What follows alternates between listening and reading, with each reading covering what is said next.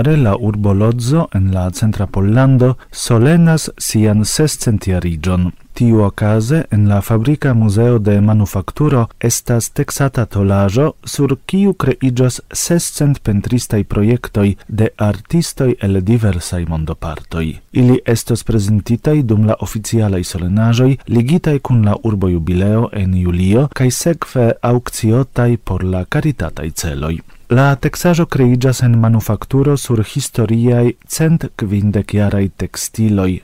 La organizantoi de la proiecto gis la fino de aprilo attendas sin annonzoin de artistoi kiui volas cun partopreni la proiecton. Sian contribuon annonci siam interalie la Academio de Belartoi en Lodzo kaj la fondajo Unamos Culturas. Pliaj detaloj trovigas rete.